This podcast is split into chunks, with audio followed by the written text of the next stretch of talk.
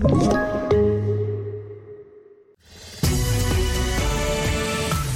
TV4-nyheterna börjar med att enligt siffror från John Hopkins universitetet i USA som har koll på statistik har världen idag slagit ett dystert rekord under pandemin.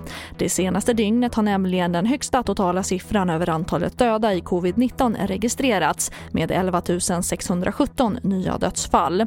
Här i Sverige har 42 nya dödsfall registrerats det senaste dygnet enligt Folkhälsomyndigheten. Och efter att USAs blivande president Joe Biden även utropats som vinnare i delstaten Arizona har nu Kina valt att gratulera honom till segern i det amerikanska presidentvalet. Fortfarande har Ryssland och Brasiliens presidenter inte gratulerat Biden. Relationerna mellan Washington och Peking har nämligen under sittande president Trumps tid försämrats. Och här hemma varnar nu polisen för ett nytt fräckt stöldfenomen. Att allt fler stölder sker ur cykelkorgar. Gärningspersoner cyklar upp bredvid en cyklist och lutar sig fram och tar väskor eller liknande från cykelkorgar som är monterade på pakethållaren. Polisen säger att det framförallt sker när människor är på väg till eller från jobbet och uppmanar nu till att man ska vara uppmärksam. TV4-nyheterna, jag heter Charlotte Hemgren.